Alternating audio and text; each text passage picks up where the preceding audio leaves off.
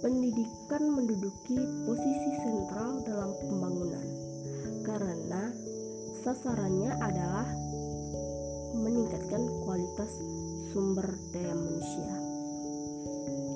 Pembangunan dari seluruh sektor pembangunan terdapat suatu kesan bahwa persepsi masyarakat umum tentang arti pembangunan lazimnya bersifat menjurus, berupa gedung, jembatan, pabrik, dan lain-lain.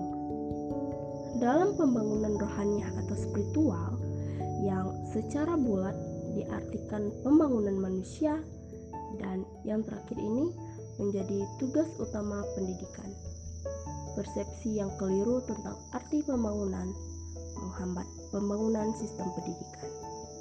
Karena pembangunan itu semestinya bersifat komprehensif, yaitu mencangkup pembangunan manusia dan lingkungannya.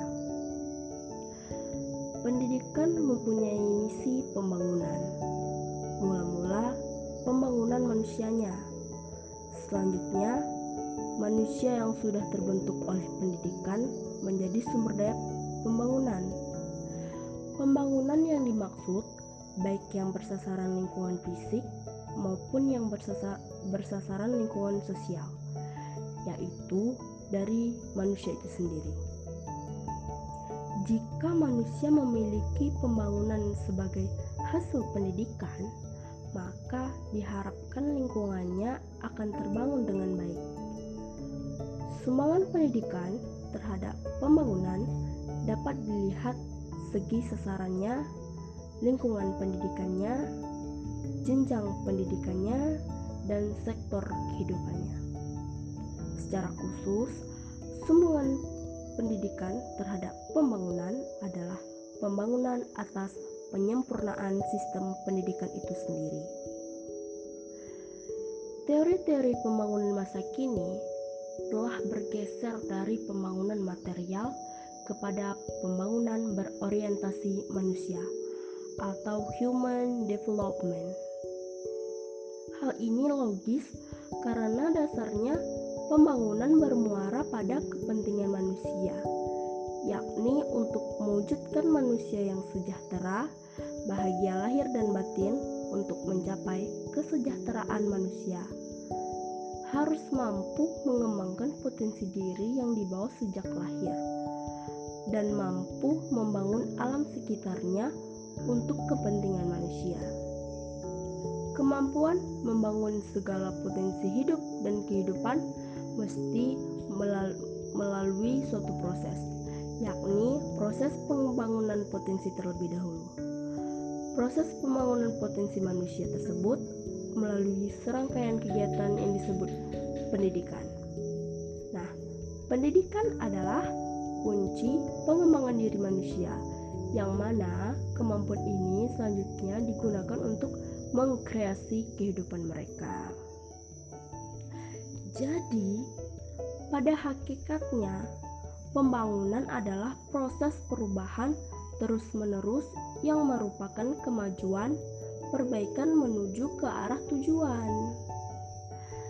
Pada tanggal 5 September 2015, bertempat di markas besar Perserikatan Bangsa-Bangsa, para pemimpin dunia secara resmi mengesahkan agenda tujuan pembangunan berkelanjutan sebagai kesepakatan pembangunan global yang kurang lebih 193 kepala negara hadir termasuk Wakil Presiden Indonesia Yusuf Kala turut mengesahkan agenda SDGs tersebut dengan mengusung tema Dunia Kita Agenda 2030 untuk pembangunan berkelanjutan yang berisi tujuan dan 169 target merupakan rencana aksi global untuk 15 tahun ke depan. Sejak 2016 hingga 2036. Mengakhiri kemiskinan, mengurangi kesenjangan dan melindungi lingkungan bagi seluruh negara sehingga seluruh negara tanpa kecuali negara maju memiliki kewajiban moral untuk mencapai tujuan dan target SDGs tersebut. Indonesia sendiri sebagai negara yang multikultural terus berupaya melakukan pembangunan. Lalu, bagaimana upaya Indonesia sebagai negara yang melakukan pembangunan tersebut? Pada akhirnya, pembangunan nasional Indonesia harus bertujuan mencapai negara kesatuan yang berkedaulatan rakyat serta adil dan makmur berdasarkan Pancasila. Undang-Undang Nomor 17 Tahun 2007 tentang Rencana Pembangunan Jangka Panjang Nasional tahun 2005 sampai 2025 menyatakan bahwa visi pembangunan nasional adalah mewujudkan Indonesia yang mandiri, maju, adil dan makmur, mandiri, mampu mewujudkan kehidupan sejajar dengan bangsa lain dengan mengandalkan pada kemampuan dan kekuatan sendiri.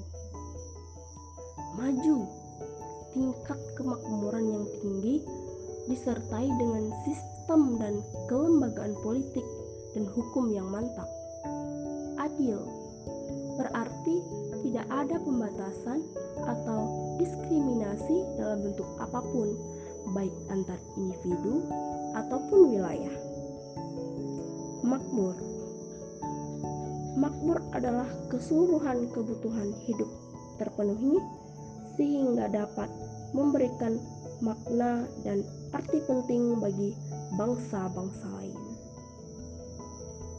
Oke okay guys, thank you sudah mendengarkan podcast saya. See you in the next video. Bye bye. Wassalamualaikum warahmatullahi wabarakatuh.